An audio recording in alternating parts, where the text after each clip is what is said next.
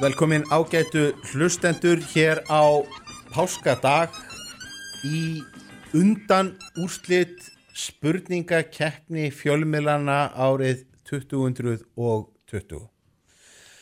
Þetta er mögulega stæsti félagslegi viðburður þessara páska á tímum samskipta, bans og, og, og uh, tvekja metra reglu og annað slíkt.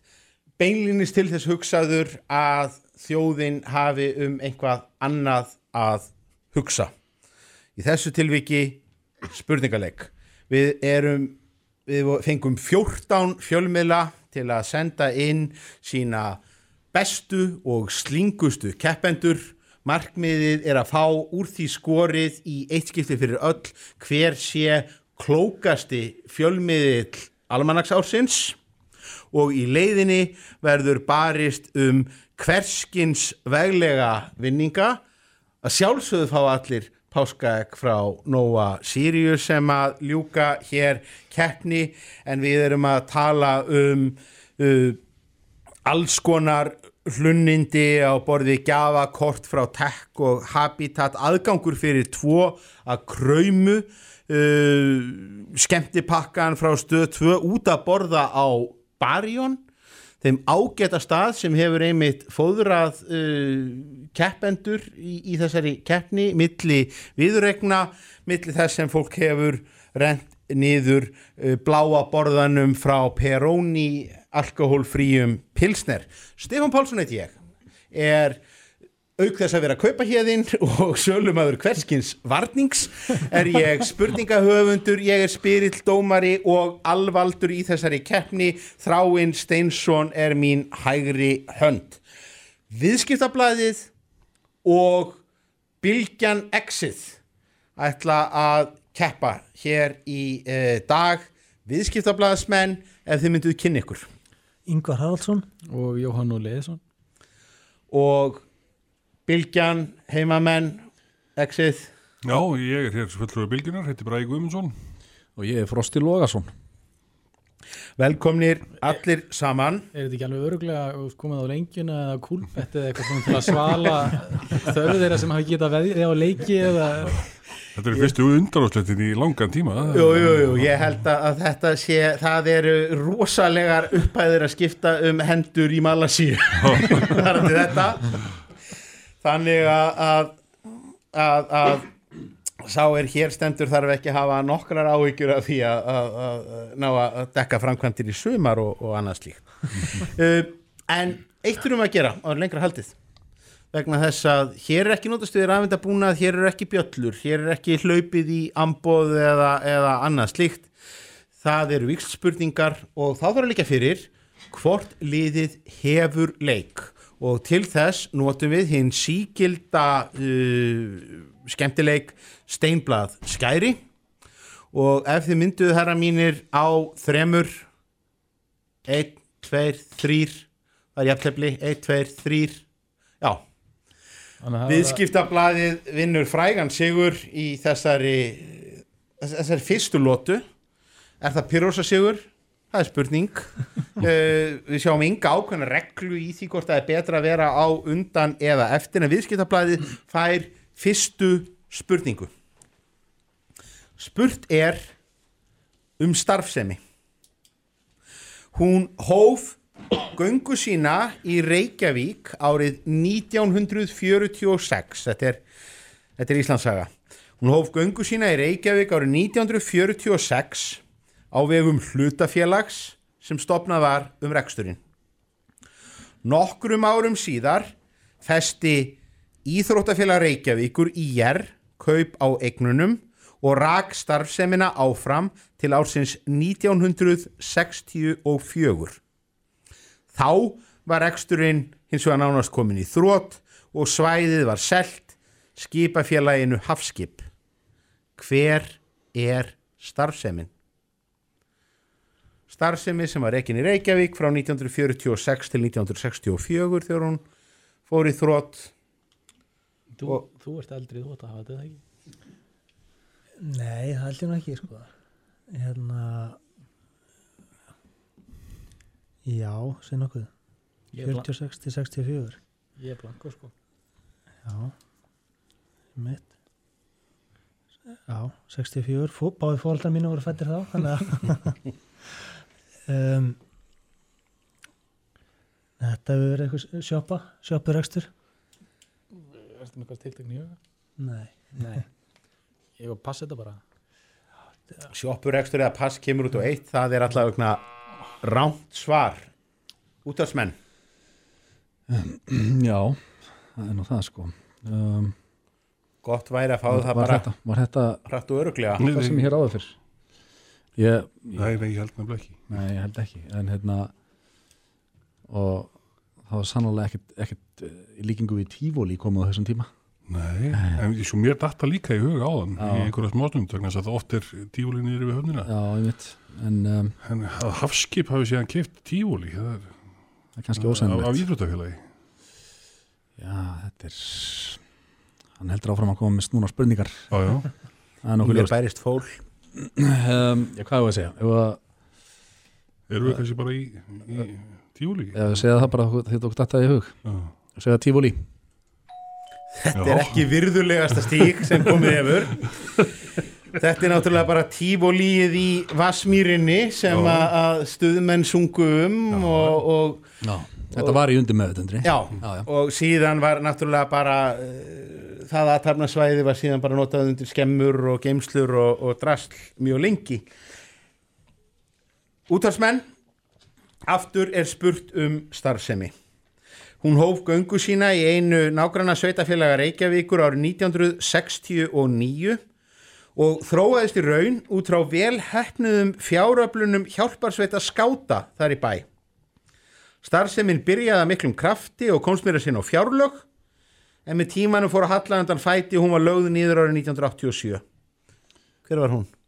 Um, Myndi eftir í hug sætirasatnið eða 87, já Já, það er bara komið Það var bara komið frá en var svo gladur, hann, hann, hún var hugsað til ísbjarnarins og háyrningana, hann gaf bara rétt fyrir og þetta. ömurlegra örlaga þeirra Já, þetta var nú hálfdaburlegt undir loki, munið eftir sætirasafninu. Ekki Ekki, ekki, ekki, ekki ungu mennitin hérna? Ekki við. Fóldar mínu mun að vel eftir því. Nei, já, kannski munið, munið eftir frægasta íbúa sætirasafsins. Apinn sem að Jakob Bjarnar, Jakob Bjarnar eða Abin, ég ætlaði að hugsa um, ég var að hugsa um Keiko en, en, en, en, ágiskanir ykkar eru, eru, eru fullgildar og góðar líka. Ég man alltaf eftir apanum sem var mikið að henda saur í, í gesti. Já. Hann var nú Já. svona frægur allan á þeim tíma. Þetta, það var, það var margt pínlítið daburlegt við, við þessa, þessa starfsemi. Við veistu miklu. Já, því það er mista miklu sko. Og hún var, það að það var svona í byrjun þá var þá var eitthvað að vera með thematíska uh, sponsorsamninga í, í, í, í, í þessu. Sem þýtti það að, að Pelikan penna innflytjandin sponsoreraði Pelikanana í, í, í, í sætirasafninu Já, uh, Lions klubbar á höfuborgarsvæðinu keftur okkur ljón og þar hafði til göttunum þannig að möguleikandir eru óteljandi. Og, og hérna ég sem áhuga maður um, um, um hérna markaðsetningu sem að, vinnur að undir meðutundinni er mjög hlindur þessu. Það verið skapandi markarsetning skapandi markaðsetning uh, önnur spurning viðskiptablaðið sperrið eirun við heyrum upphafslag No, I love you so bad. Like the kids skipping class in the bathrooms, sneaking cigarettes underneath the football bleachers, baby, so bad. You know I love you so bad.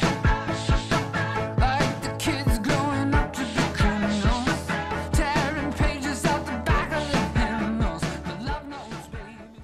Þetta er upphafslag vinsætla Netflix sjónvarsþátta um er að ræða breska gamanþætti ætlaða ungmennum en með alvarlegri undirtónum.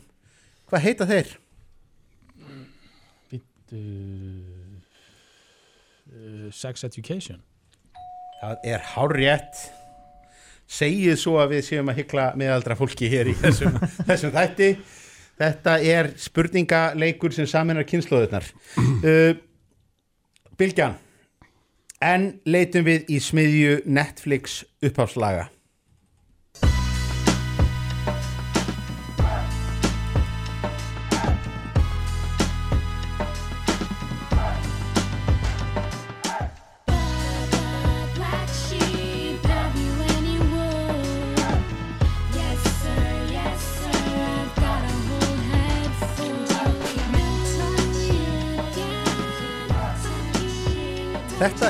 Úr vinsælum þáttum sem fjalla um ungt fólk í bandarískum framhaldsskóla.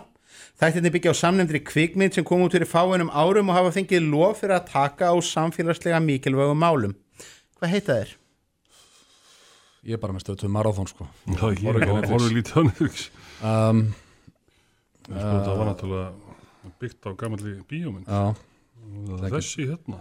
já, myndi eftir það í hug ég, ég var, Það var það sem í hug og segja klúles bara Klúles.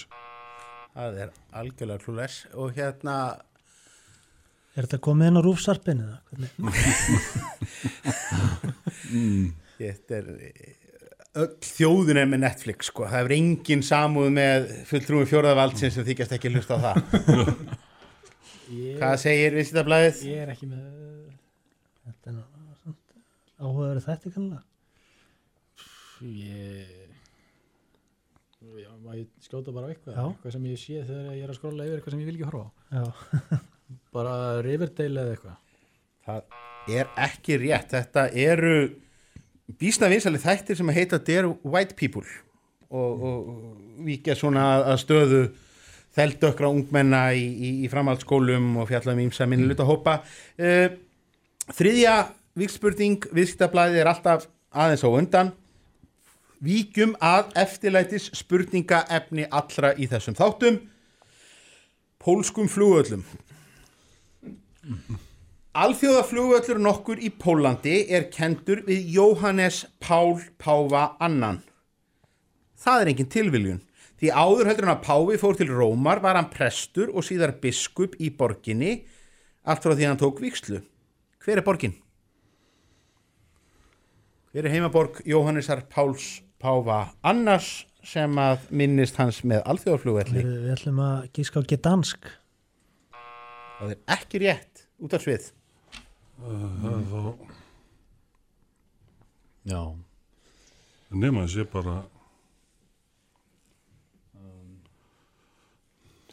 já, nei, ég held að sé krakká Kraká. Það er hár rétt. Góðu punktum með viðskiptablaði sér alltaf undan. Svo gullfallega borg Kraká sem ég hvet fólk til þess að heimsækja þegar við byrjum aftur að ferðast innan einhverja fáina ára. Hérna, útvarpsmenn, annar alþjóðaflugvöldur í Pólandi er nefndur eftir gamla stjórnmála Lech Walesa.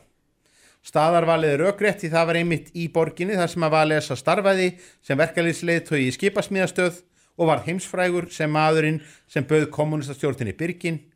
Hver er borgin? Það er vilja bara að fá svarið þeirra frá því áðan, lánað. Það er getansk. Dansk Sætla er að gefa þeim þykja, eru þið ekki sammála því viðskiptablasmenn? á þessum tíma jú. Jú, jú, Þetta, menn taka þess á æðruleysi, aðja, gott og vel. Uh, spurt er um heiti á blaði, viðskiptablaðið. Það hefur verið notað tvívegis í íslenskri útgáfusögu. Fyrst á 19. öld þegar það kom út um 12 ára skeið og markaði djúb spor í söguna þótt útgáfan væri alltaf umdelt. Árið 1997 var heitið Endurvakið af litríkum rítstjóra og af afar miklu metnaði með hundrað síðna eintaki og landsliði pislahöfunda og listamanna á tímum þar sem að tímarita útgáfa barðist í bökkum. Tölublöðin urður reyndar bara tvö. Hvert er blaðaheitið? Það er viðskiptablaðið sem er á, á undan með þetta. Hvert er blaðaheitið? þú varst í sagfræði sko. Já, já. Halda það margir. Fræg 19. aldar útgáfa og síðan mjög metnaðar full útgáfa frá 1997 sem reyndist ansi skamlíf Fjölnir, fjölnismenn. og það er hár rétt. Það voru náttúrulega fjölnismenn og síðan var það Gunnar Smári Egilson sem að endurvakti fjölni í einungis tveimur uh, eintökum. Útvarsmenn. Við spyrjum enn um blaðaheiti sem hefur verið endurnýtt. Það var eitt helsta blað landsmanna frá 1874 til 1929 og voru áhrif þess mest um miðbygg þess tíma sem sagt um aldamóti 1900 árið 2006 var nafni dreigið fram á nýju og þá sem tímarit sem átt að sinna rannsóknarbladamennsku það rann svo saman við nýtt líf einu og hálfu áru síðar hvert er bladaheitið Nei þetta- Nei, Já, nei, það getur ekki verið já, já, fyrir, á, Jú, lítöld, það, jú, jú, sko, má- málið er að, hérna, ég man að þetta, minnir að þetta hafi ekki mátt, sko. Ég veit ekki hvort við séum á réttum Nei, leið, sko. nei, byrju getur að verið bara, um, og, já, já, já, ég mátt ekki heita. Já, já, já, já. Nú segir það fáum við svar um, Já, ég var að prófa þetta. Endurist 2006 Já, uh, endur, já, endur já, vakið nafnið nafnið um, Gott væri að fá svar núna frá bylginni og exinu. heimsmynd Það er ekki rétt viðskiptablaðið. Ég er blank og aftur sko. Já, þetta hefur verið hérna þetta hefur fullöldisblæði Nei, nei, nei, við fáum bara rátt á þetta snarlega. Heyrðu, þetta er blað sem að nefndist Ísafold og var náttúrulega bæði eitt af helstu blöðum svona fyrir hundra árum síðan og síðan voru það feðgarnir Reynir Traustason og Jón Traustur Reynisson sem að endurvöktu þetta sem rannsóknar eh, rétt eh, líkurnar á að sleppa í gegnum spurningakefni fjölmjölana án þess að vera með einhvern fyrir um starfsmann blaða hérna er reyndar eh, það er reyndar nokkuð, nokkuð hérna góðar. Uh, Fymta spurning. Það er tóndæmi. Viðskiptablaðið hlustar af alefli við hugum að náttúrufræðinni. Hvaða skeppnur eru þetta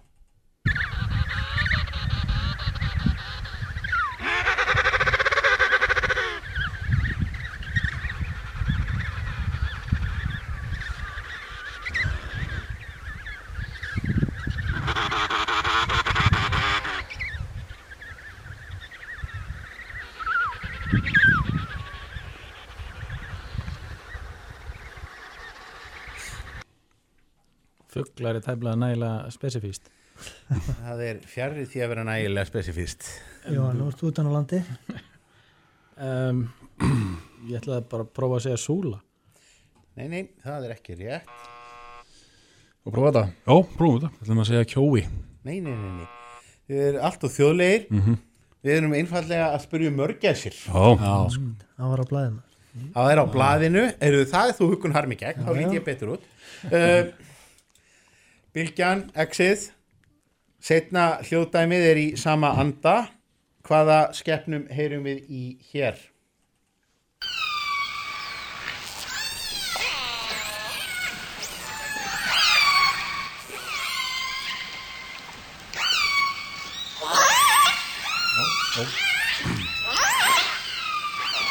já og þetta er hérna sko, þetta getur bæði verið hávörningur eða höfrungur og það eru alltaf sama sama meiði sko en uh, þetta kom fyrst upp í hugan já, hárningur. sem hávörningur Hái hyrningur er hár rétt. Enda eh, komið fram áður að þið séu kunnir unnendur Sveitarasafsins í Hafnafyrir Já, já. þannig að við, við höggum hér enn í sama knýrun uh, Sjötta víkslspurning viðskiptablaðið spurt er um bókaflokk ætlaðan börnum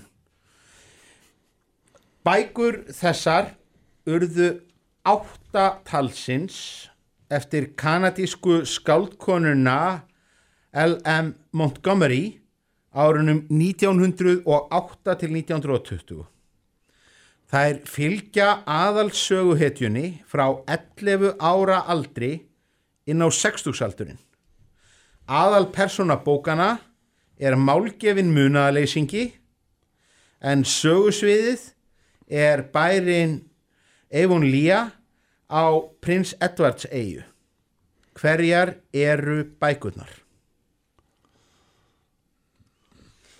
Þetta eru átta bækur um málgefin munaðarleysingja eftir kanadíska skáldkonu sem komu út í byrjun 20. aldar.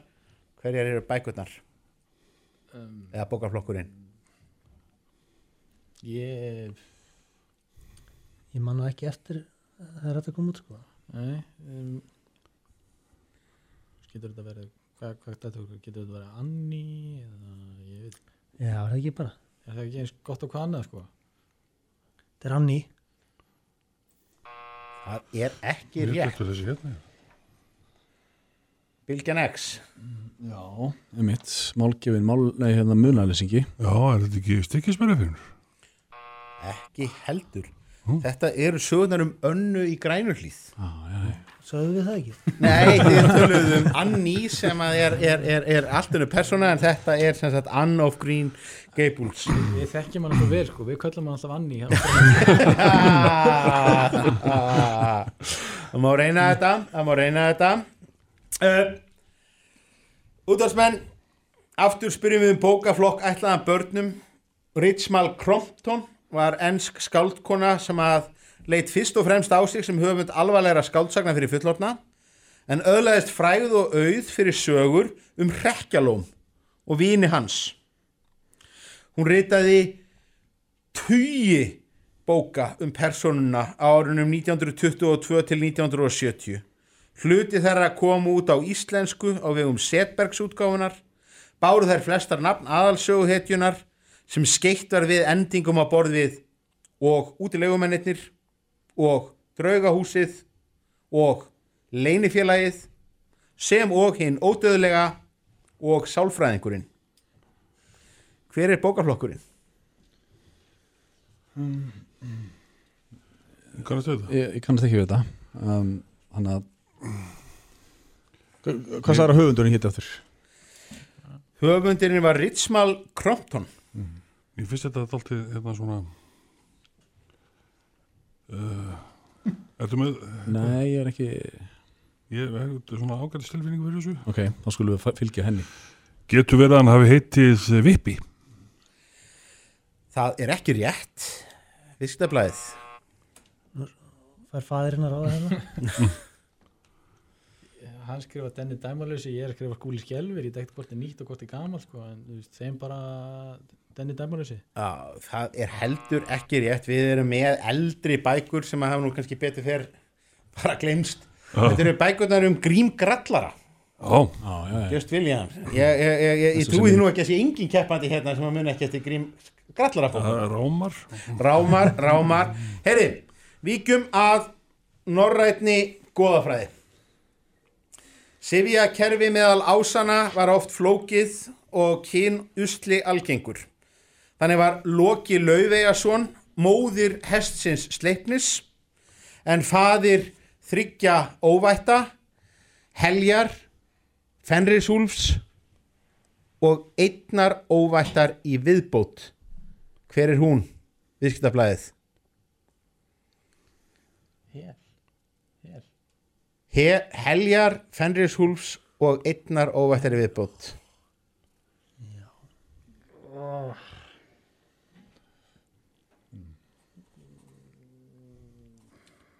Hvað kemur þig hérna?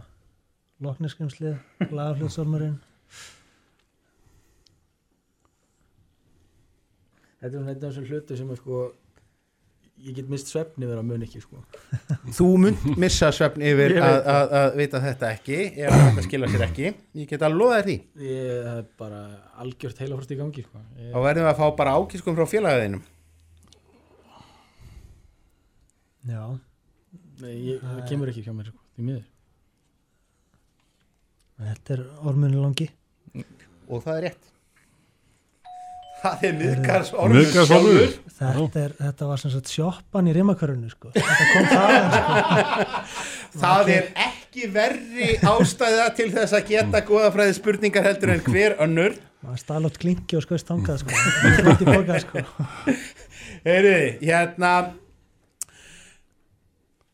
Útvarsmenn Loki Laufegason var fóstbróðir Óðins sem var ekki síður duglegur við að gera, geta alls konar afkvæmi með gyðum og, og forinjum Eitt afkvæmið var sérstaklega óvenjulegt því að það eignaðist óðinn með nýju jötnamegjum sem allar voru systur.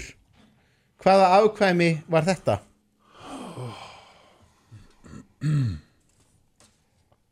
Þetta er vond Þetta er mjög, mjög vant Spurning hvort að sé einhverju sjöluturnar sem að komi ykkur til bjargar. Það er, er álita mál.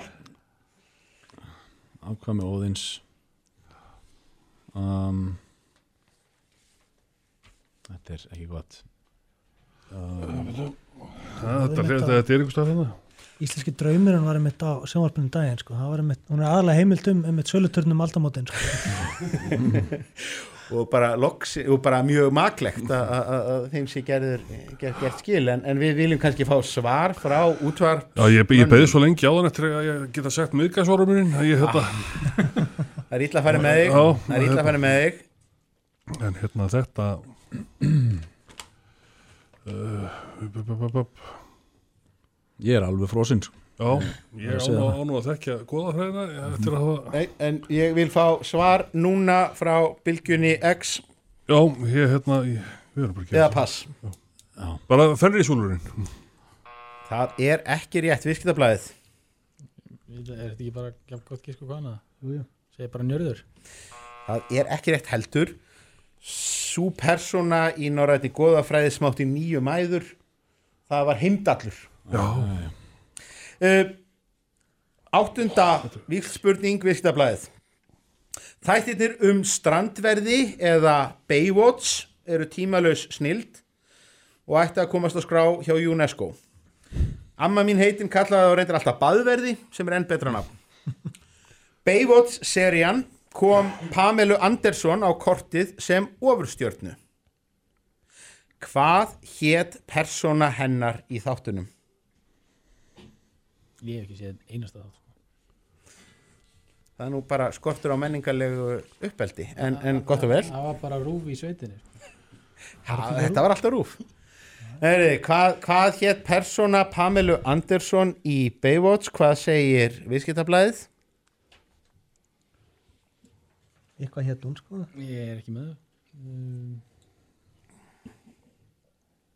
um, Nei hún, þetta var hérna Lizzie. Það er rámt svar. Út af ég, ég við líst rosalega vel á þetta. Varstu með eitthvað annað þetta? Nei, ekki neitt. Ég er svona- þetta kom- Ekkert hvað hann heitir sko. Var það ekki TJ?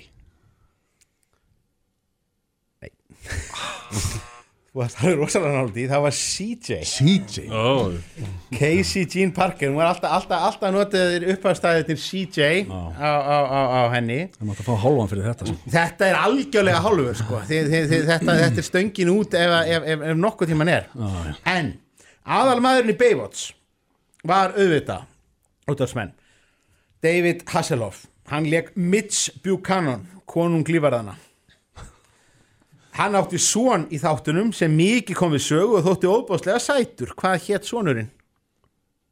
Drottin minn dýri.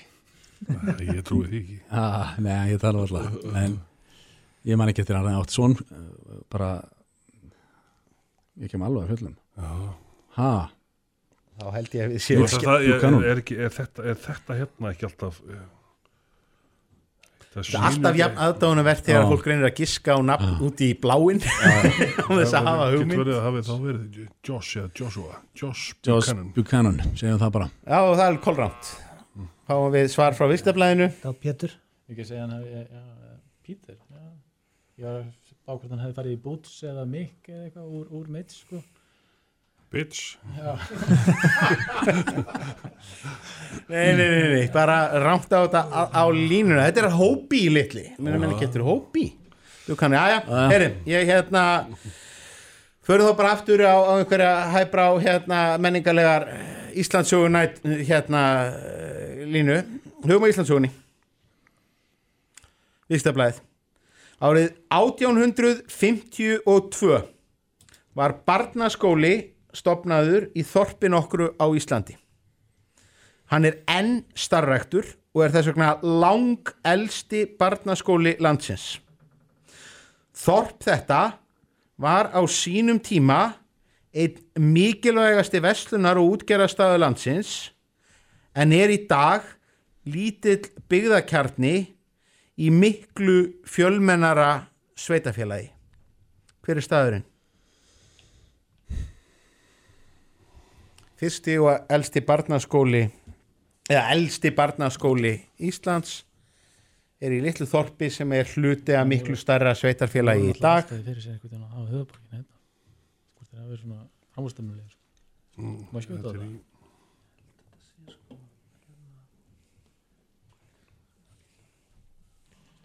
Hvað segir er Já, Eirabaki Eirabakki er hárétt, menn Ég þekkja var mætti þennan sakfræði tíma mætti við það sakræði tíma vinur, vinur Árborgar greinilega. Uh, útvarsmenn við höldum okkur við framsýna 19. aldar menn árið 1845 hófust veðurmælingar í bæn okkur út á landi. Þær hafa staðið upp frá því og eru þess vegna elstu óslitnu veður aðtúanir á landinu og með þeim elstu í heiminum og afar mikilvægar heimildir hver er staðurinn? Ertu með einhverja hugmynd? við dettur í hug Þetta var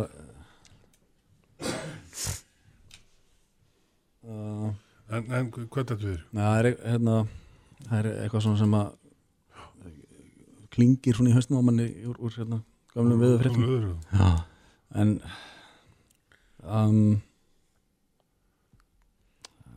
það er spurt um staðinn. Það er spurt um staðinn. Er, er það stóruð? Já, ég Þetta er eh, bæjar, eh, þetta er, þetta er, þetta er, þetta er bær. Já, það er, nei, þá skulum við prófa þetta. Já. Stekisólmur Það er hár rétt og eh, herptust þar eh, hérna til viðskiptablasmenn sem að voru búin að eiga þarna stig. Staðan er 6-5 útvarpsmönnum í vil, þetta er æsi spennandi, það er komið að síðustu vikspurningu áður heldur en kemur að námdur á spurningunni. Það er tóndæmi, viðskiptablaðið er sem fyrr á undan hlustið. Strákur kem síðan út með belju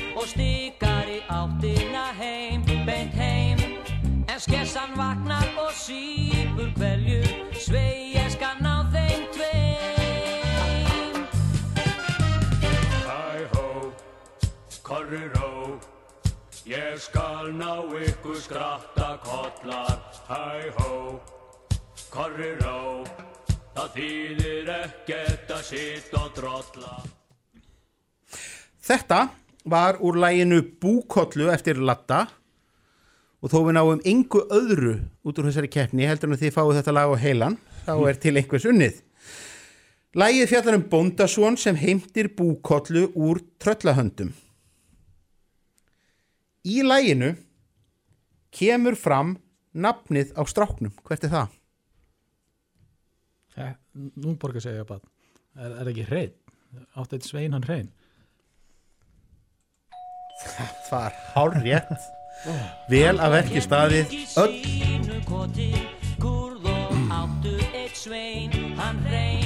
Öll þessi ár öll, allar þessar hlustanir eru loksins farnar að- uppskera.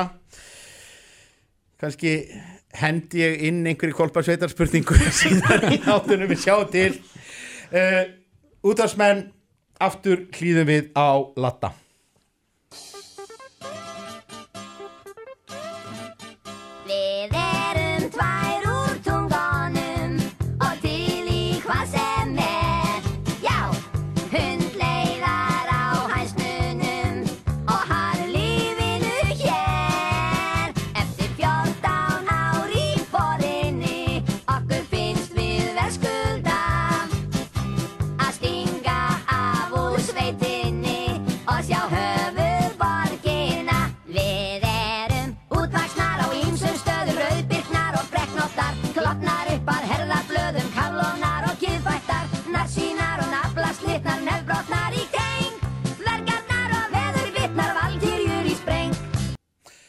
ég byrð nú þegar allar hlustendur sem hafa fengið þetta lag á heilan afsökunar en þetta voru tvær úr tungunum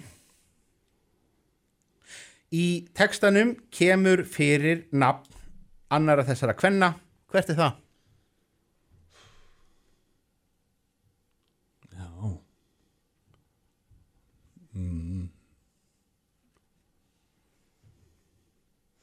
Hvað heitir önnur tveggja úr tungunum?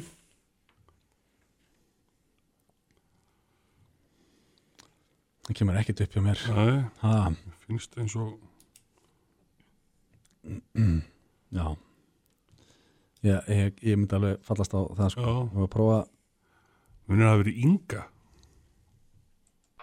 Það er ekki rétt, viðskiptablaðið. Ég með Stínu einhvern veginn í hausnum Stína, Það hljóma gáðlega. Stína Það er ekki rétt, erum við með hljóðdæmi. Gunnar sýstir glendi Gunnar sig systir. Gunnar sýst. Já. Æ, æ, Glendi sig í geysefurðum rælrann, svo beint á raskatið og snýri sig á hæl. Staðan er 6-6. á, Við förum í reyna úrslitaspurningu sem er námundunarspurningin. Liðin eru tilbúin með blöðin, þau eru tilbúin með pennana. Þetta er frábært útásefni. Hefst þá lestur. Það er ekki gott að keira fullur og það getur líka reynst ansi kostnaðasamt. Ný reglugerð um sektir fyrir umferðalagabrót tók gildi í ársbyrjun. Sektir fyrir áfengisakstur eru misháar eftir vínandamagni í blóði. En nú er spurt, hver er sektin fyrir að mælast með lægsta vínandamagn í blóði 1,2 til 1,5 prómil fyrir utan allar ökuleifisviftingar? Hvað er það billegasta sem þið getið vænst þess að sleppa með fyrir að aka undir áhrifum áfengis ég gerir mig grein fyrir því að það er kannski ekki gott að hafa svarið á reyðum höndum í útvarpi almennings nú hefði komið sér vel að hafa, kert fullur.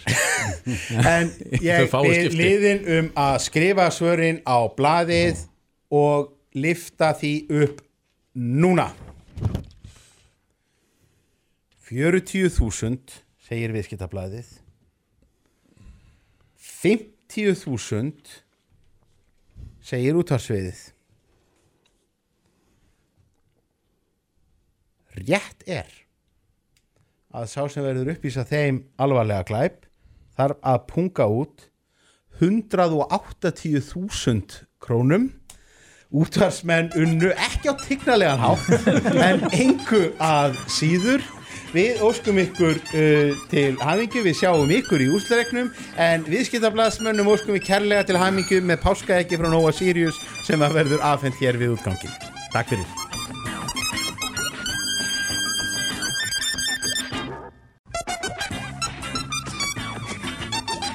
Velkomin kæru áhaurendur hér í spurningakeppni fjölmiðlana árið 2020 undan úrslit og spennan er í hámarki. Harðsnúin lið, bestu liðsmenn, öflugustu fjölmiðla landsins hafa allt hér kappi yfir páskaháttíðina hérna á bylgjunni til í þeirri von að fá þennan mikla titil klókasti fjölmiðill almanags ársins og þá erum við ekki enn farin að tala um alla þessa smávinninga sem að, fylgja líka og sem að ég get svo laumulega um í fullkomnu framhjálaupi eins og páskaekkin frá Noah Sirius, gjafakortin frá Tech og Habitat, aðgangi að kröymu, uh, út að borða á Barjón, þeim ágæta veitingastað sem að hefur haldið hér mannskapnum upp á fóðurum, milli þess sem enn hafa rent nýður bláa borðanum, Peroni áfengislausa bjórnum sem að er hér ómældur. Stefán Pálsson heit ég. Ég er spurningahöfundur, ég er spyrill, ég er dómari og ég ræð öllu því sem Þráin Steinsson ræður ekki í þessum þætti. Og í þessari undan úrslita viðureign eru tvö harðsnúin lið sem hafa lagt alla anstæðinga sína til þessa.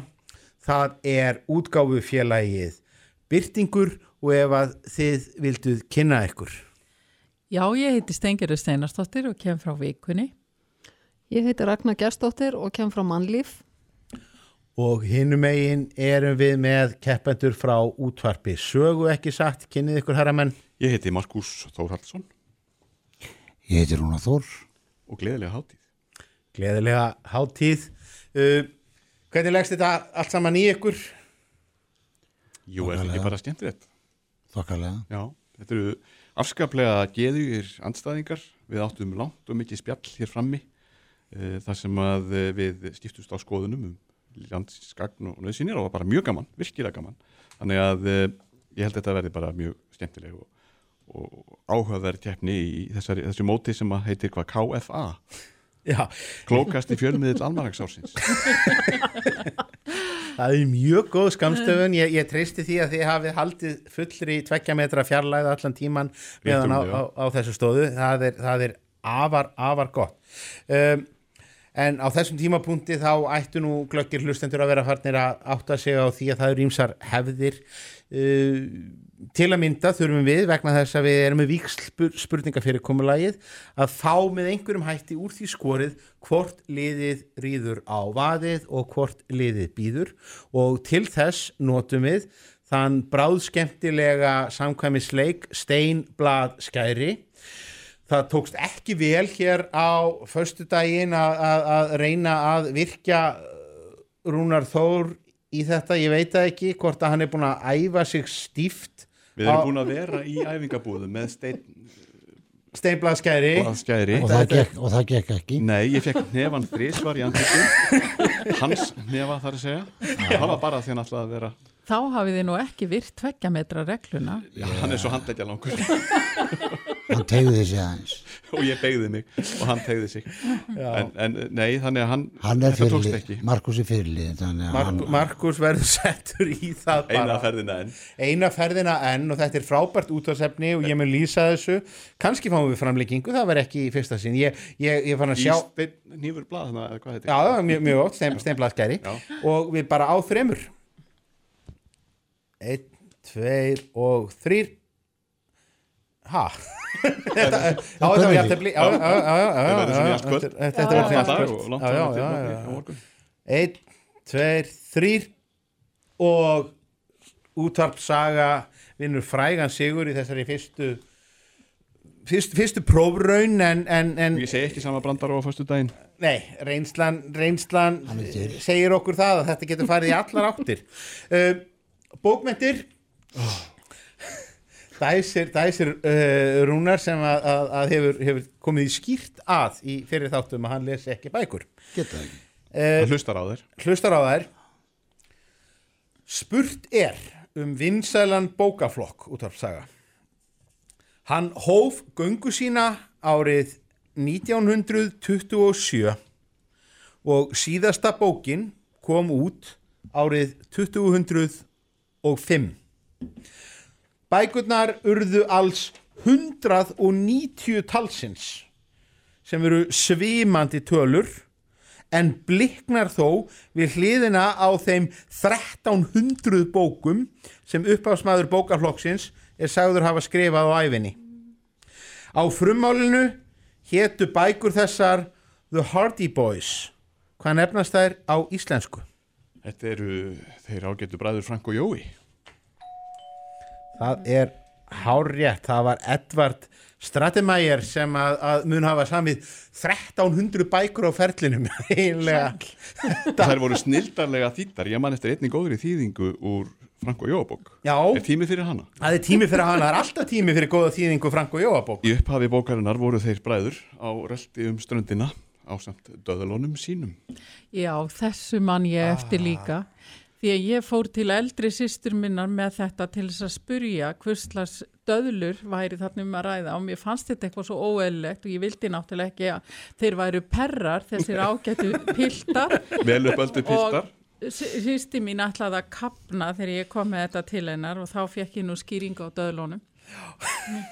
Their dates Já, já, já, já. En það er hægt að segja að kannski það hafa verið svona krútlegar þessar stúlkur sem þau voru Við, um við skulum nú ekki við skulum nú ekki hérna uh, forsmá hið, hið, hið hérna vanþakláta starf bókaþýðandans Ó, sem að væntanlega hefur unnið þetta í akkordi en við höldum okkur sem sagt við fáránlega afkvasta mikla bók, barnabóka höfunda uh, byrtingur Enid Blyton samdi bækur í hundraðatali og hjælt úti fjölda bókaflokka Eitt þeirra voru The Naughtiest Girl bækurnar frá 5. og 7. áratugnum. Sjálf skrifaði Blyton fjórar fyrstu bækurnar í þessum bókaflokki og síðar bætti annar höfundur sex bókum í sarpin. Hvað heita þessar bækur á íslensku? The Naughtiest Girl bækurnar eftir Enid Blyton. Ég bara kannast ekki við það. Þær hafi ekki verið farnar að koma út þegar ég var krakki því það voru bara dulafelli bækurnar og ævintýra bækurnar. Mhm. Hvað eigum við að segja? náttúrulega fimm fræknu. Já, það, en það er náttúrulega, það er ekki The Naughtiest Girl, það var The Famous Five. Uh, en ef uh, titillin var í þýttu beint, þá var það náttúrulega óþekkasta stúlkan. Það gæti verið grallara spóin eða grallara stína eða prakkara stelpan. Hver uppástungan annar er betri en Já, ég verð hins nákvæmlega. vegar að þýðka ykkur um svar. uh, hvað eigum við að segja? Óþekkasta stúlkan? Eða eigum við að segja prakkara stelpan? Hvort viltu? Grallara stelpan? Grallara stelpan. Grallara stelpan. Er rámt svar. Markus spennist allur upp. Allur hafi eitthvað átt samskipti við Sæmund og Selnum? Mm -hmm. Baldin Tóta það er hárétt Baldin Táta ég, ég, Markus er eh, betur aðeins sér einnig blætón fræðunum eða eitthvað eða, eða hefur búið að betra bókasafni Bókabíllinn í breiðholtinu. Bókabíllinn í breiðholtinu. Uh, við förum í tóndæmi og þá vil ég byggja já, fyrst og fremst byrting um að setja upp heyrnatólinn því að þið fáið að spreyti ykkur á undan. Við heyrum hljóðdæmi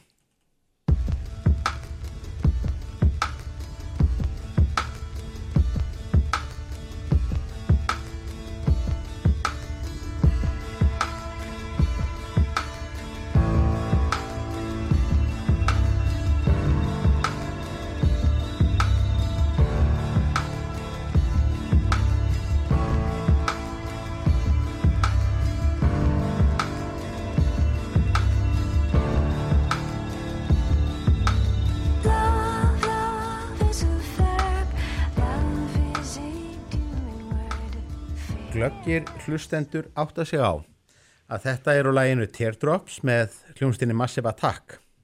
En það var líka upphafslag sjómarsþátta sem framleitir voru frá 2004 til 2012 sögusviðið er New Jersey og þættirnir hverfast um ofurgáfaða og geysilega hrókafulla aðalpersonu og vinnustað hennar. Hverjir eru þættirnir? Eina sem við dettur í hugur er Ali McBeal. Það er ekki rétt. Góð ágiskun, engoð síður. Er þetta ekki Útvarpsaga. Hvað heitir hann nú gæinn sem að valda að þó sér um hendurnar uh, Það erum við báðir. Það erum við öll. Það var við öll núna en, en hann gerði þetta á undan okkur okay. En hvað heitir hann nú aftur? Nei, ég, sko þetta er hérna einhvers staðar en, en ég manna ekki Og það þýðir bara rámt svar. Já. Já, þetta er allan maður sem við skulum vona hafi verið duglegur að þó sér um hendurnar því þetta eru þættirnir um Dr. House. Ég var að skrifa það. Rétt í þessu. Þetta var, voru, voru sem sagt hinn hin, hin, of, ofurgreindi og, og, og rókafulli læknir sem að gerir kollegum sínum stöðugt hérna já. Og eh, sem hinn geðþekki leikari Hugh Laurie. Hugh Laurie túlkaði eh, svo snild já, já, já, en betri var hann þá sem Georg konungur í Blackadder það eru engin, eru engin aukastig fyrir, fyrir viðbótar fróðleik eins og, þú veist. Markus ekkert. en nú er ykkar, ykkar færi aftur hlustum við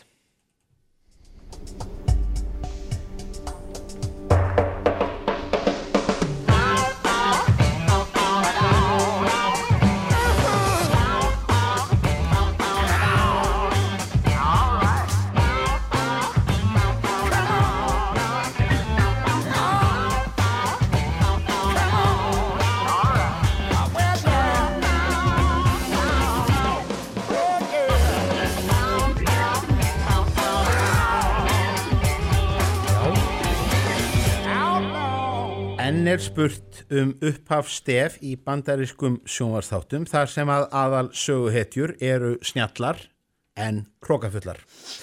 Þættirnir voru gerðir á árabilinu 2004 til 2008 og spruttu raunar upp úr öðrum þáttum um sama efni. Hver er þáttaröðin? Saga.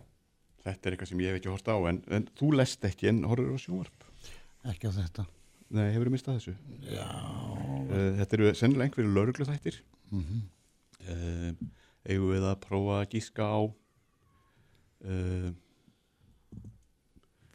Hvað heitaði nú hérna þættirnir sem að uh, hafa gengið með henni Maritsku Hartigæ uh, uh, Gískaði Ég man ekki hvað þetta heitir saman en hérna eigum við ekki að láta reyna á eitthvað uh, sem við þekkjum uh, þetta er ekki matlokk Þetta verður langt kvöld. og ekki Derrick ekki Matlock, ekki Derrick. þá erum við komin nokkuð nálagt Já, uh, ekki Matador. nei, Þetta er- ekki þetta allt að heldur koma. Já, og, og ekki heldur Nei, nú- Criminal Minds Já, Criminal Minds, það er ekki rétt byrtingur munið eftir þessu. Sko ég held að þetta hafi verið mitt upphastefið í Ali McBeal. Nei, það er hindar ekki heldur. Æ, Hvað er þetta með því Ali en- McBeal? já, ég er greinilega alveg óskaplega hrifin af henni. Ég, Ali McBeal, en hins vegar ertu komin alveg í sama hérna myndaflokk, því það, Ah. það, það voru náttúrulega svona lögfræði drama Já. Þetta var líka lögfræði drama nema að þetta voru Boston Legal þættir æ, ég sá þá alveg. það voru hérna Og James. Spader og William Já, Shatner já, já. sem að voru klárari heldur en allir aðrir og gerðu gísa anstæðingunum Ah. og spruttu var þetta ekki út frá hérna þetta var gert já, út frá Ali McBeal var það ekki Nei, það var, það var, það var út frá, út frá sambarilegum hérna þáttum Þetta voru, sko, að sjá þá saman Ég sá þetta, ég, ég sá einn eða tvo þætti og þetta var náttúrulega flott. Kaftin Körk sem lögfræðingur. Rókafullur auðbyrkin lögfræðingur. Það, það, það verður ekki betra. Ég, ég veit ekki sko uh, ég, ég- veit ekki alveg sko hva, hvernig sko lögfræðin þátturinn í þessu öllu saman hérna gekk en, en ræðurnar voru mjög töff. Já, og það er nóg. Það er nóg, það er nóg. Uh, þriðja víksl spurning byrtingur á undan sem fyrr. Hvaða starfi gengdi Jóhanna Knúðsen fyrst íslenskra kvenna árið 1941 Hún var lögreglukona og henni var ætlað að hafa upp á stúlkum í ástandinu. það er hár rétt uh, þó var það, það þannig að hún fekk ekki að, að vera í lögreglu búningi, það var ekki fyrir en einhver tímanum meðan áttunda áratugin að, að fyrstu lögreglukonurnar fengu að, að- koma fram í búningi ofinbarlega. En lögreglukonar vissulega rétt uh, útvarp saga. Við hugum að öðrum en örlítið frábrugnum áfanga í jafnbreytisbaráttunni árið 1959 var Geir Friðbergsson fyrstur íslenskra karla til að ljúka tilteknu námi. Hvert er það? Var það ekki ljósmóður? Ná. Það er rámt svar. Ég ætla að segja hjúgrunafræðingur eða hjúgrunakona. Það er hárétt. e, mér er til efs að nokkur íslensku karlmaður hafi lokið ljósmóður námi þó að, að það mun nú verið dæmi um það að karlar hafi sínt í starfi hérna til, til, til sveita en, en, en, Já, þeir voru yfir setumenn eins og var kallað. Já, Það var auðvitað já. ákveði nám sem að Já. var þar að baki. en, þú þarft nú svona kannski helst svona ákveðin reynslu bakgrunn Já. myndi maður ætla þannig að, að en, en, en fyrsti, fyrsti hérna uh, hjúgrunar Karl hjúgrunarfræðingurinn er 1959 og hefur nú gengið ansi hægt held ég að, að, að jafna kynjarhlutvöldin í því starfi hér á Íslandi. Nema hvað, nú er staðan orðin 2-2 Þetta er spennandi. er æsi spennandi eins og hefur nú verið hér í, í, í þessum síðustu viðrögnum okkar. Uh, Byrtingur eitt kunnasta verk listasafns Íslands er abstrakt listaverkið Íslandslag frá árinu 1944 Listamæðurinn sem fættur var á höfn í Hortnafyrði starfaði stóran hluta ferilsins í Danmörku meðal annars með hennum heimskunna Kóbra listahópi. Hver er hann? Hver var höfundur abstraktverksins Íslandslag sem er eitt kunnasta verk listasafs Íslands frá árinu 1944? Sko þetta á ég að vita og á ég að muna.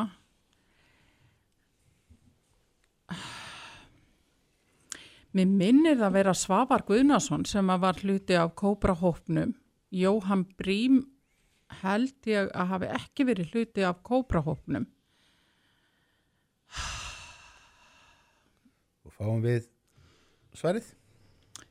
Ég með á Ertu með, Fyrri. ertu með Svavari? Já. Heyrðu, þá skjótu við á Svavar. Alveg þú þarf að skjóta á, á, á hálfrétt svar, Svavar Guðnarsson. Og hann var hér á blaði. Hann var hér á blaði.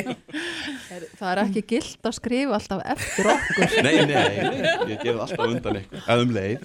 Já, já, já, já, við, við, við, við, við fáum hér sko alls konar sigurvegara, móralska sigurvegara Já, já, og eiginlega já, já, já. sigurvegara og, og, og allir fá þú páskaegg frá Nova Sirius, svo að, að það hafi nú verið, verið sagt laumulega hérna Við komum bara fyrir páskaðegin frá. Nóa Sirius. Þessi stóru.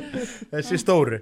Um, við höldum okkur við öndvegisverk íslenskrar myndlistar útvarpsaga. Málverkið Þorgirsbóli vísar í samnemda þjóðsögu. Fræð þess byggist að miklu leiti á þeirri staðreind að hún var meðal fimm mynda sem Jónas Jónsson frá Hriblu valdi árið 1942 til síningar á því sem hann taldi úrkynjaða list í eigu ríkisins. Að sama tilefni setti Jónas reyndar upp síningu með fimm myndum sem hann taldi til fyrirmyndar og var þessi myndlistamaður sá eini sem átti verk á báðum síningum, það besta og það versta. Hver var hann? Sko, fyrst ég fæði ekki að segja Svavar Guðnason, þá eh, eigum við að díska á Gunnlaug Stefing. Það er Þetta var Jón Stefánsson. Það er hins vegar hárétt. Og við hlustum þá á tóndæmi, tónlist, byrtingur setur upp, upp hernatólin, hlustið.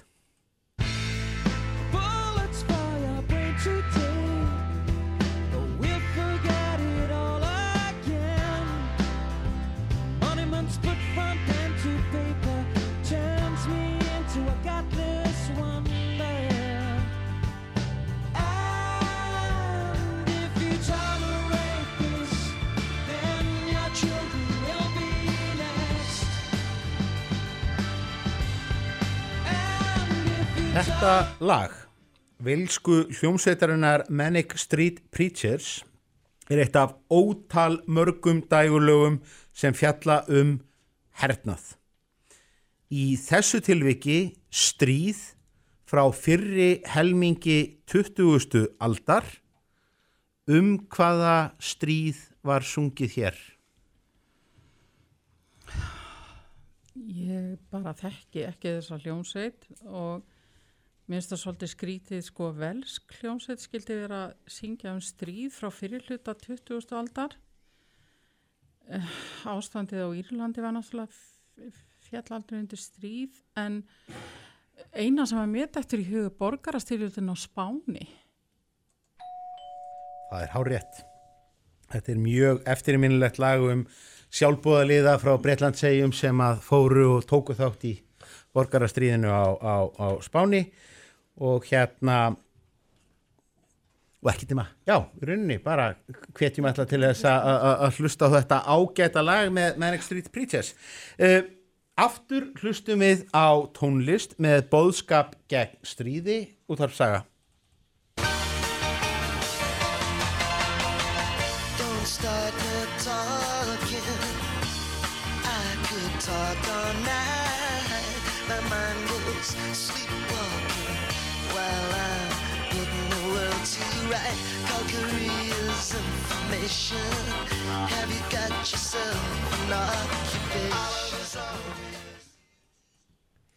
Þetta lag samti Elvis Costello um hernaðar átök á setni hluta 20. aldar.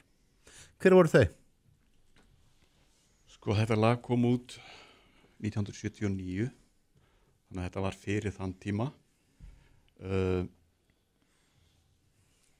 uh, á setni hluta 20. aldar þegar Jepp. Uh, getur verið að þarna hafi verið sungið. Nú tæmist hugurinn því að venjulega er ég fann að sofa á þessum tíma. Taka mér eftir middagslúrin að taka pásu? Uh, já ég held það. Uh, ég held að uh, stríð á setni hluta þetta er sem stríðsátök já. á setni hluta 20. aldar Og gott væri að fá svar. já, við erum að hugsa þetta uh, en dettur nánast ekkert í hug.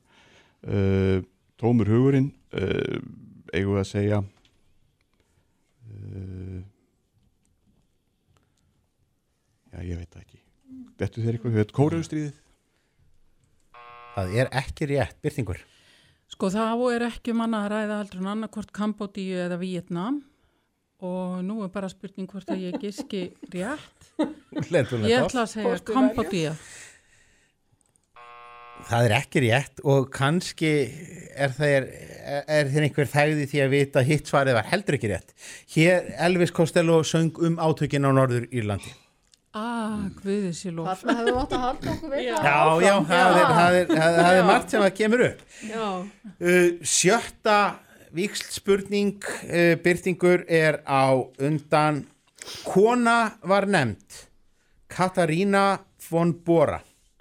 Fætt 1499 lést 1552 Eins og margar konur fyrir tíðar er hún engum þekkt sem eigin kona mannsinsins. Það er ekki mikið um hennar vitað, þó segja sakfræðingar að hún hafi haft miklu hlutverki að gegna við að fjármagna störf og baráttu mannsinsins, meðal hans með því að brugga og selja bjór. Það hlut að koma inn. Talið er að hjónaband þeirra hafi verið farsælt, en ímsum þótti þó skrítið að hún ávarpaði mann sinn aldrei með öðrum orðum en herra doktor. Hver var eiginmaðurinn?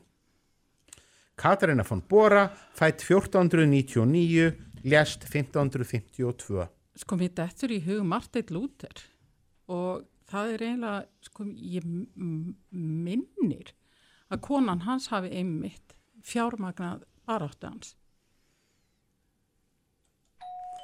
Það er hár rétt. Margar góðar konur hafa staðið á bakri sína menn með, með, með ölsuðu ketilinn að vopni.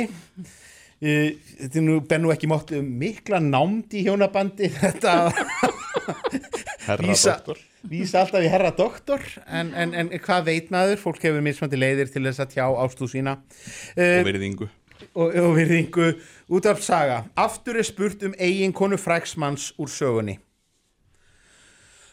Anna Hathaway fættist 1556 og dó 1623 Anna Hathaway 1556 til 1623 Sára lítið er um hana vitað engu að síður hafa margir viljað slá því föstu að samband hennar og eiginmannsins hafi verið óhamingjusamt. Helstu rökin fyrir því eru þó tilvílina kent. Að konan hafi verið nokkrum árum eldri en karlinn, einhver hrissingsleg ummæli hans sem varðist hafa um hversu slæmt sé að vera ítla giftur og furðuleg klausa í erðaskrá hans um að konan skildi erfa næst besta rúmið hans. Hver var eiginmaðurinn? Sko, sagfræðingur, reytin og gat í svona spurningu er ekki mjög fallegt.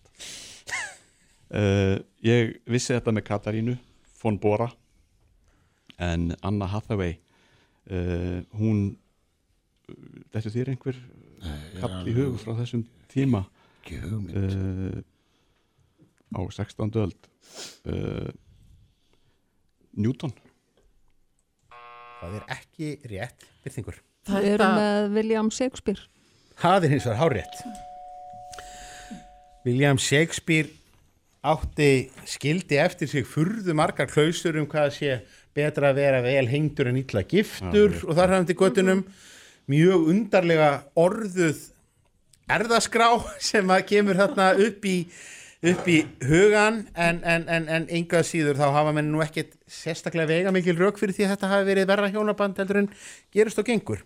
En svo er líka mjög skemmtilegi þættir núna sem að uh, breskir þættir, sakamála þættir um engaspæra sem heita Shakespeare and Hathaway og það er Karl og kona sem að búa í Stratford upon Avon og rannsaka þar morð.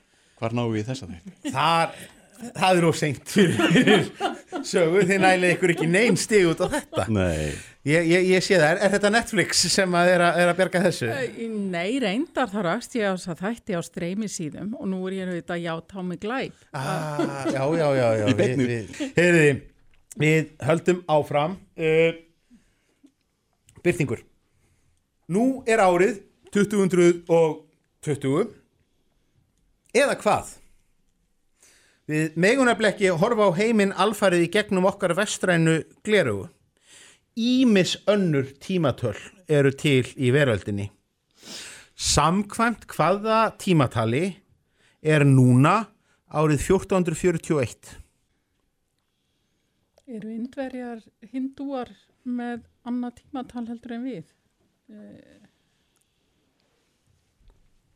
Já, já, við segjum bara Já, hindúar. skjótum bara það. Já, Það er ekki rétt út af saga. Eigum við að uh, ímynda okkur að þetta séu sé tímatal múslima? Það er hárrétt. Múslimar miða við það þegar að Múhammed flúði frá Mekku til Medina og þess vegna er árið 1441. Út af saga, þessu tengt og ná skilt. Samkvæmt hvaða tímatali er núna árið 5780? Það er þá sennilega önnur engiðis trúabröð, þessi ekki gýðingarnir. Það er líka rétt Gýðingar miða við það að sköpun heimsins samkvæmt gamla testamentinu hafi verið upphafspunkturinn. Dregur hér rætt uh, saman með liðum. Byrtingur er þó með fórustu, staðan er sjöfjögur. Það er talsveit mikil fórsta. Það er talsveit mikil fórusta, en Byrtingur, nú er spurt um ævintýri. Aðal söguhetjan í ævintýrinu er, þegar nánar er aðgáð, afar ógeðfeld manneskja. Sagan hefst á því að söguhetjan er fengin til að vinna örlítið viðvik fyrir konu sem launar viðkomandi ríkulega. Söguhetjan ákveður hins vegar að ræna konuna og myrðir hana síðan. Síðar í sögunni fær hann félaga sína til að drepa verðandi tengdafóreldra sína. Hvert er æfintýrið? Jésús minn. Þetta er falleg saga. Já. Þetta er, þetta er ekki til að segja bönnum. Nei, en sko það, fyrsta sem er mér dætt náttúrulega í hug fórst að tala um þetta, að hann fari að gera viðvik fyrir konu, að þá dætt mér í hug rumputyski eða gilutrutt, en rumputyski og gilutrutt náttúrulega áttu enga tengdafóreldra að mér vitanlega. En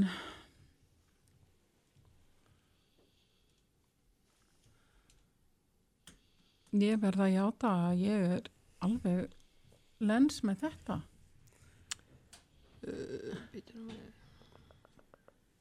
Fáum við svar eða pass bara? Nei, við Nei. ætlum að skjóta á eitthvað. Já.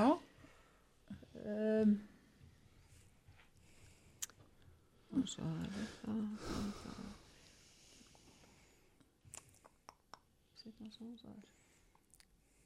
Eh, Nei, sagðir. rumputurski. Nei, það passar ekki sko. Það, það er ekki rétt æfintýri. Nei, við verðum að gefa þetta frá okkur, við verðum að segja pass. Út af saga? Við erum bara ennþá í sjokki yfir þessum hræðilegu lýsingum. Þetta geti verið bandarísku sjónvarsþáttur. Um, nei, þetta þér eitthvað í hug? Nei, Uh, hans klauði. Það er ekki rétt en, en þið voru hins vegar að fiska í réttu vatni. Þetta er æfintýri eftir Hási Andersen, þetta eru eld, eldfærin. Þar sem að, að, að, að hermaður myrðir konu sem að fær hann til þess að sækja eldfærin og svo drepur hann hérna hverskins drepur hann verandi tengda fóreldra sína og þar höfum til gottunum. Við spyrjum um annað æfintýri með vægasagt umdeilanlegum siðferðisbóðskap útarpsaga. Þetta er svo falleg. Aðal söguhetjan byrjar blásnauður en endar með fullar hendur fjár. Það tekst meðal annars með því að hóta myrða mann sem hann hittir á förnum vegi nefn hann gefa honum skeppu af peningum. Sagana er svo hámarkið þegar söguhetjan platar mann sem honum er nöp við til að myrða ömmu sína með öksi að þér virðist einungi sér til skemmtunar. Hvert er þetta kaldrið við að æfintýri? Þetta lagast ekkert, Stefán. Nei, Þetta er verið að lesa fyrir börnin. þetta er leysið fyrir börnin. Já, hvað segirðu? Veistu þetta? Nei, ég segi bara auðmingi að þú að vera með mér í liðin. Það er bara frábært að hafa þið í liði. Er það ekki? Jú, ég er hér eiginlega hálfgerðið yfir liði yfir þessu Og þú alveg að sopna Stefáns. hana. Já, farin að dotta. Nei, nei, middays lúrin fær að býða. Uh, þetta er ekki bara jóa baunagrassi. Það er ekki rétt byrtingur. Muni eftir þessu. Steingerður lítur að vera Nei. nýbúin að lesa þetta fyrir ömmubötnin eða eitthvað. Ég það. sko, ég held að ég væri rosalega vel lesin í æfintýrum og þjóðsögum en Stefán minn, þú bara rekur mig á gat Já, hérna. býtan,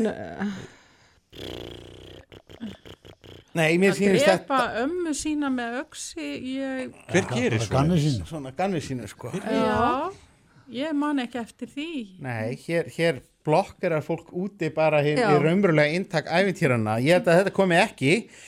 Rétta svarið við þessu, þetta er sagan um litla klás og stóra klás Æ, auðvitað sem að gengur einmitt út á fjárkúanir og, og, og, og, og óbeldi og, og, og hverskins glæpsamlegt aðhæfi. En þarna og sérðu svo allt snill. En þarna í raun. sérðu bara snilt Hási Annesen, hann fær mann til að halda með þessu fólki Já, og verða meðvirkur með glæpunum þannig að maður man ekki eftir þeim nákvæmlega. Ef einhver annar hefði skrifað þetta. Stephen King. Uss, Nákvæmlega. Heyrði, við heyrum tónlist uh, byrtingur sperrið eirun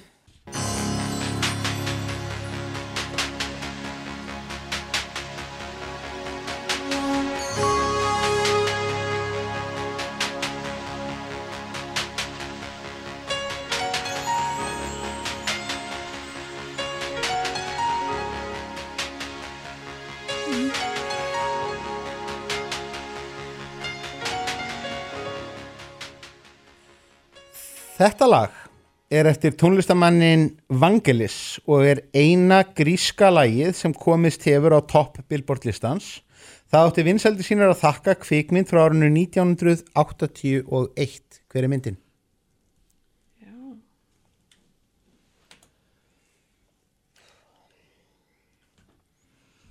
Ég veit greinilega ekki nokkuð hlut. Jú, ég, Jú, ég jú, man eftir jú. þessu. Ég man það núna. Chariots of Fire. Það er hár rétt. og hér sökk hjartaði í útarpi sögu. Heldur betur. Þetta kviknaði um leið og þú sagðir þetta. Eldvagnin, Óskarsvæluna myndin um, um, um hérna Íþróttagarpana og olimpíuleikunum en hlustum við útvarp saga.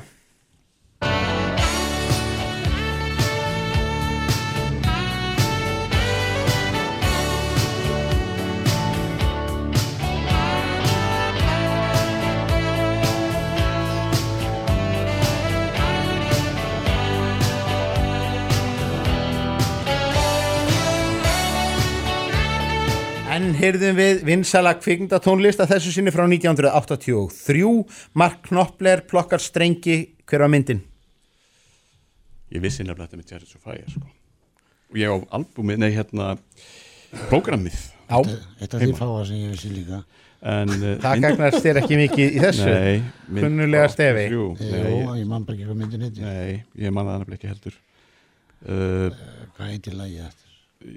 Það heitir sinna saman myndin Lægið heitir að saman myndin Á skotið við vorum að spila þetta fyrir halvu mánu Nei, fyrir mánuði síðan En það, já. Já.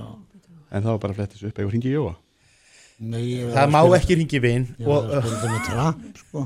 Já uh, Ég man ekki hvað mynd þetta er Við fáum ekki svar við þessu fær, Er byrtingum með svar?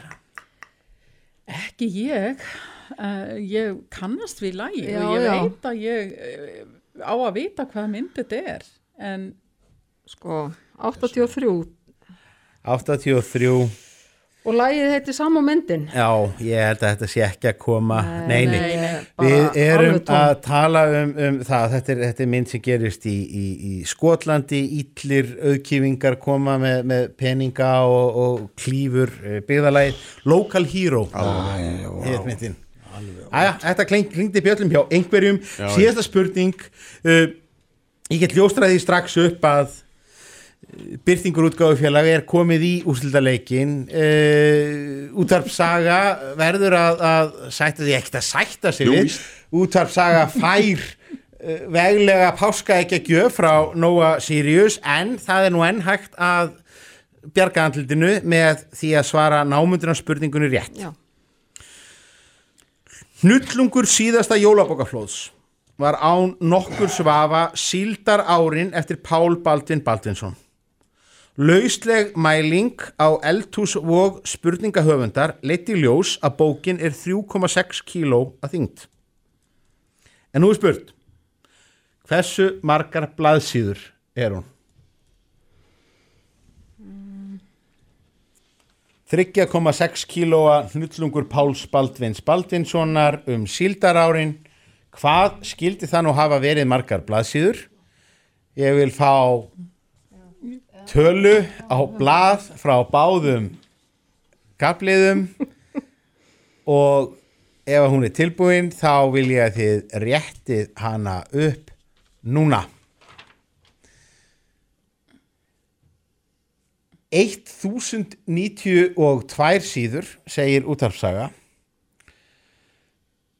Byrtingur hefur tröllatrú á Páli Baldvin og segir 4900 blaðsíður sem er mjög metnaða fullt Vel, vel Útarpsaga er furður nærri réttu svari sem er 1152 síður þannig að, að, að aðeins dregur á milli liða. Loka staðan er 8-5 við þökkum þessum liðum kærlega fyrir frábæra keppni sömulegis Takk fyrir okkur. Takk fyrir samverðuna En við bara gleðumst Við fáum páska.